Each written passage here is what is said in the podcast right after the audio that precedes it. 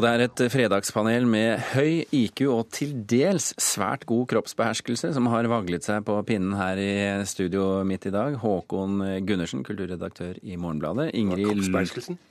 Ja, det var kroppsbeherskelsen. Ingrid Lorentzen, ballettsjef på Norske Opera og Ballett, og forfatter Vetle Lid Larsen. Velkommen, alle sammen. Takk. Det er ikke sant. Det er Ingrid Lorentzen som jeg regna som eh, kroppsbeherskelsens mester her inne. Herlig. Jeg var jo holdt en knapp på den IQ-en, men den eh, ja, har ja, forlatt det, rommet. det, var et, eh, det var et tosidig sverd jeg ikke la merke til, gitt. Men det var altså bare delvis god kroppsbeherskelse men høy IQ på alle. Ja, Så har vi det eh, slått fast en gang for alle. Dagens spørsmål. Vi setter i gang? Denne uken kulminerte endelig valgkampen i USA. Barack Obama ble gjenvalgt. Mitt Romney takket for seg, og mediene i Norge kunne endelig legge pennen ned. Noen har derimot så vidt ymtet frampå at mediedekningen av USA-valget i norske medier har vært en tanke voluminøs. Spørsmålet er har den egentlig det? Nei. Nei. Faktisk enig. Nei. Dette var veldig overraskende.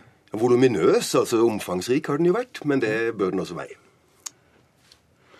Ja, hva- Bare fordi men- at vi trekker et lettelsens sukk, i, eh, hvert fall i Europa, betyr jo ikke at vi nå kan si åh, det, nå kan vi slappe av, og derfor så var det for mye. Jeg skjønner at dette var et veldig dårlig formulert spørsmål, fordi at det jeg sikter til, er jo denne kritikken som har kommet fra nesten alle kanter og bauger. eh, At det har vært altfor mye dekning. Vi trenger det ikke Det er tross alt et annet land. Det er ikke engang nødvendig med så mye dekning i Norge.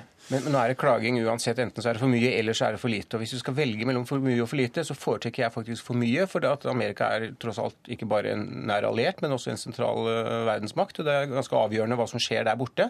Så personlig så var jeg redd for at det skulle være mye mindre egentlig i utgangspunktet da, dette, da valgkampen nærmet seg. Og selv om det selvfølgelig kan bli litt mye dill og dall og, og, og, og, sånn, så er det tross alt vært ganske um, bra dekning og viktig dekning, og det syns jeg vi skal være glad for. Finale. Ja. Det påvirker oss jo så veldig, både direkte og indirekte, det som skjer i USA. Det, er, det når jo ut til hele verden, også med de økonomiske sidene, og i hele tatt hvordan vi blir oppfatta i resten av verden. Eh, nå kan jo den arabiske verden slippe å lage nye dokker og satt fyr på. Skal jeg til å si. De kan bare fortsette med Obama, som de har på lur fra før. Og Du sa noe, programleder, om at det er et annet land. Og det er det jo. Men det interessante som jeg med Amerika, er jo at det, det er så likt, men så er det akkurat forskjellig nok til at det fascinerer. Det er, minner meg om noe som jeg alltid tenkte da jeg var bitte liten. At det fantes en annen verden. Det må være noe mer. Det må være noen andre som lever bak veggen eller borte i skauen eller noe sånt. Og det er det jo faktisk i virkeligheten. Ja, de ser omtrent like ut. Ja, ja, ja. Men det er nesten Europa. Men altså, så har de gikk de sin egen vei for 250 år siden, og så har det blitt noe annet. Men Men, altså, fortsatt du- nok, like nok til å interessere. Du er jo fra Arendal, eh, sånn omtrent. Ja, ja. Og eh, ned, det. nede i der så er det jo eh, mange som lever i en sånn slags amerikansk verden. Da bor vi enda lenger sky, tror jeg. For at i Arendal så lever de Du skal jo helst til, eh, ikke lista, du. til lista. ja, Ja, da skal vi er ned der. der. Der er- snakker de annerledes. Mm. Og, og, Men det er stor Amcar-klubb i Arendal òg. Ja, Altså. det er det nok. Ja. Så, eh, men kan det ha noe med det å gjøre, at vi er så glad i Amerika? At vi, at vi føler oss som en, en del av det, på sett og vis? Ja.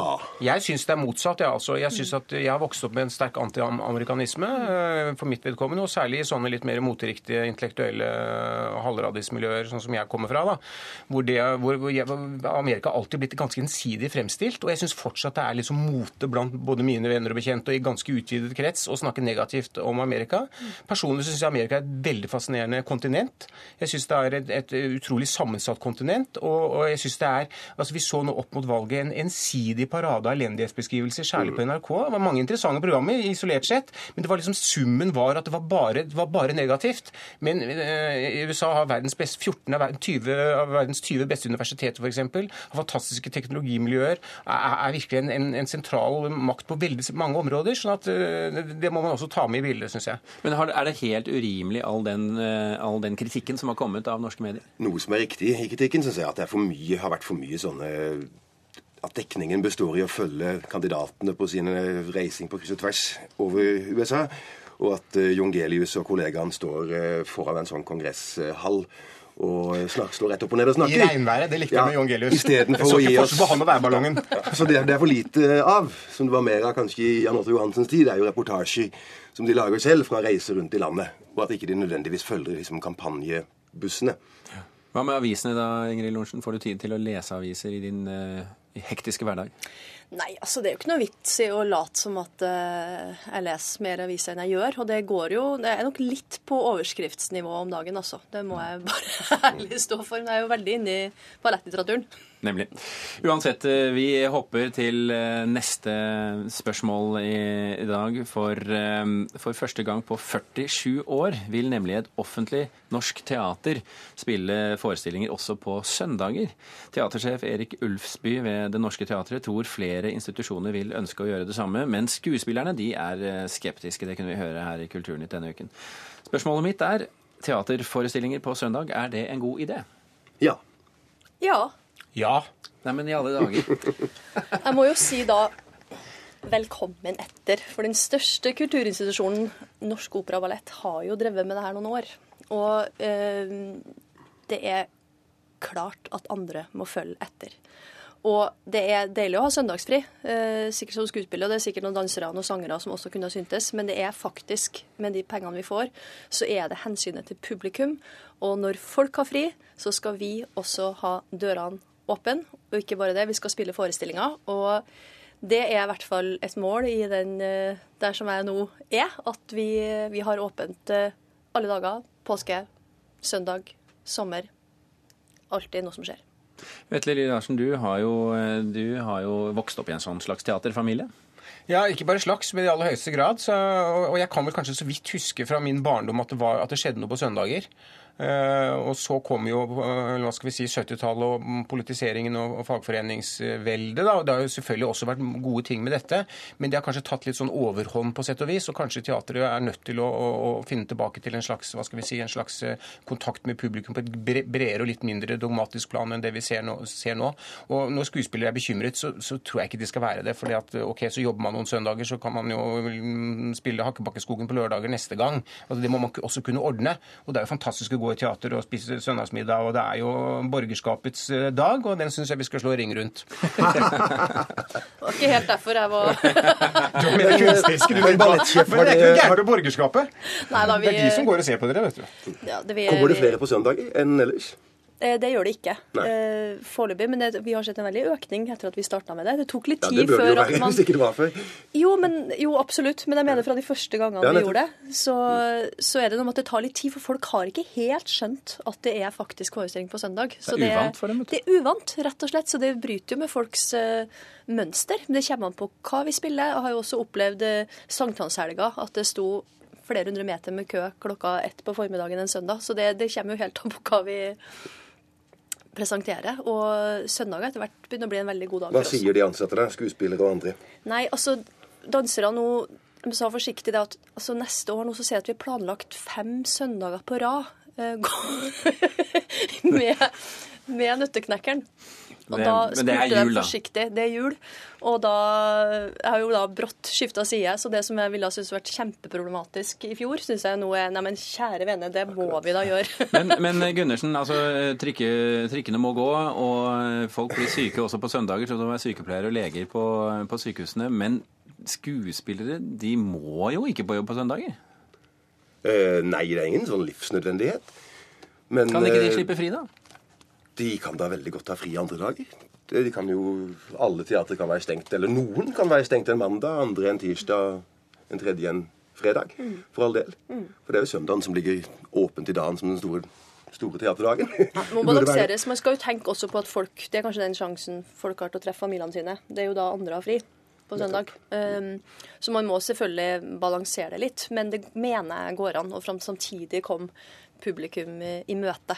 Hvor mange søndager eh, Lid Larsen, bør eh, skuespillere eh, okkupere seg på scenen? Jeg syns de vil jobbe altså, i hvert fall, altså, si, Hvis de jobber 47 søndager, da, så kan de ta fri akkurat til påske. Det syns jeg.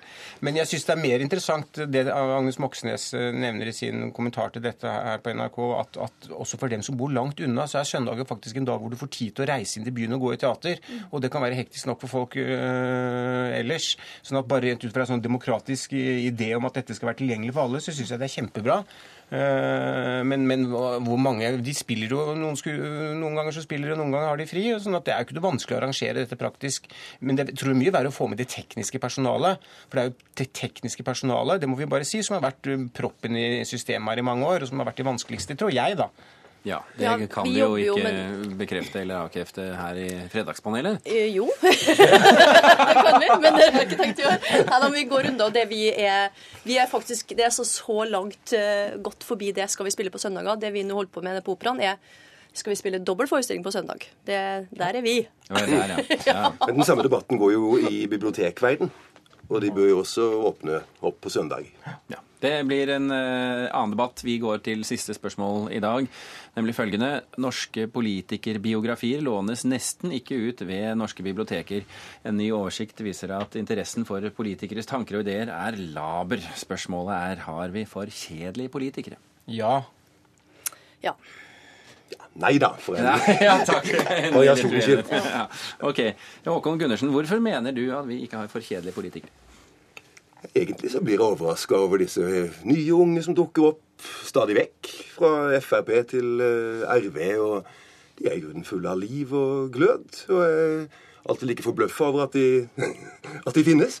Eh, Men problemet når det gjelder politikerbiografier, er nok heller at eh, de som skriver de, er på en måte er for like politikerne selv. De politiske journalistene og politikerne kommer på en måte fra samme ja, det er elevrådsformannssjiktet. I begge leirer. Jeg, jeg, jeg, Kom Jeg tenker jo at det er noe med det er altså For kjedelig. Det er jo mer hva slags historie er det du har lyst til å gå inn i. og det er klart Trygve Bratteli og det der som hadde historie, hadde liv å fortelle om. Da begynner det å bli artig å lese de historiene. Eh, når det handler om å på en måte rettferdiggjøre eller etterpå forklare eh, et politisk liv, så er ikke det så interessant. I hvert fall ikke når du kan lese overskriftene, som jeg da allerede har sagt at det er på overskriftsnivå i avisene. Så er det hvor dypt inn i den materien vil man gå. Så det er vel det at vi har politikere som de fleste av dem har vært politikere siden ungdomsskolen. og Det er det de har drevet med. Mens det er liksom det andre. Du snakker om Amerika Det, er- det må da være noe mer. Det er jo og dette det som er problemet. ikke sant? Vi har en, en sånn øh, politisk kaste som har en erfaringsbakgrunn så å si bare fra det politiske liv, som har vokst opp i ungdomspartiene, som har gått gradene, og som mangler kanskje den brede kontaktflaten til livet som vil være, gjøre det interessant å lese hva de måtte da mene om, om ditt og datt. Og det blir det ikke. fordi at selv om det er mange enkeltpersoner, jeg er helt enig med øh, Håkon Gundersen i det, så er det jo en, en sørgelig lik skare på sett og vis. Altså Det blir bare ikke spennende. Og denne utlånsstatistikken hvor Kristin Halvorsens selvbiografi hadde blitt utlånt til 20 eksemplarer Jo, i men hele nå har den bare vært på markedet i en Ja, ja, men, men, men, det, men det, altså, dette gjaldt da alle politiske partier. Dette var ikke, det var like ille for, egentlig for Stoltenberg sett i, tross alt i relasjon da, til øh, sånn sett. sånn at det er på en måte ikke Hva har de å fortelle? Og er det et tankekors at vi har politikere som på en måte ikke har noe berøringspunkter med livet? Vi, burde, jo- det var jo sånne politikere vi burde hatt flere av, men de har vi dessverre lite av. Så Det er sannheten, tror jeg. Den statistikken som eh, du ga oss, den eh, viste jo også et overraskende faktum, syns jeg. At eh, boka om eller av Karita Bekkemellom Orheim Hun heter nå Karita Bekkemellem. Ja. nettopp Mitt bare røde Bekkemellom. Nettopp. Den var altså lånt ut 400 ganger. Ja, det det- er ganske Var, fantastisk. var det ikke Nei, det var, det var vesentlig. 42, tror jeg det var. Nei, nei. nei, det var vesentlig mer. 436 ja. i 2009. Det kom antageligvis 436 går å låne boka til Karita Bekkemellom. Men det var i 2009. 1895 i 2010, og tilbake til 361 i 2011 og 150. Så ja. Ja, men Det var veldig stort lokalt utlån, tror jeg, der oppe. At flere lånte boken samme flere ganger etter hverandre. Men altså, du ser nedover den statistikken, så er det ikke veldig imponerende, tross alt. da. Vi snakker tross alt om personer som er eh, altså, hva skal vi kalle det, rikskjendiser eller ledende samfunnspersoner. Og da syns jeg ikke det er så veldig imponerende, når du ser hvor mange som låner Jo Nesbø, tross alt.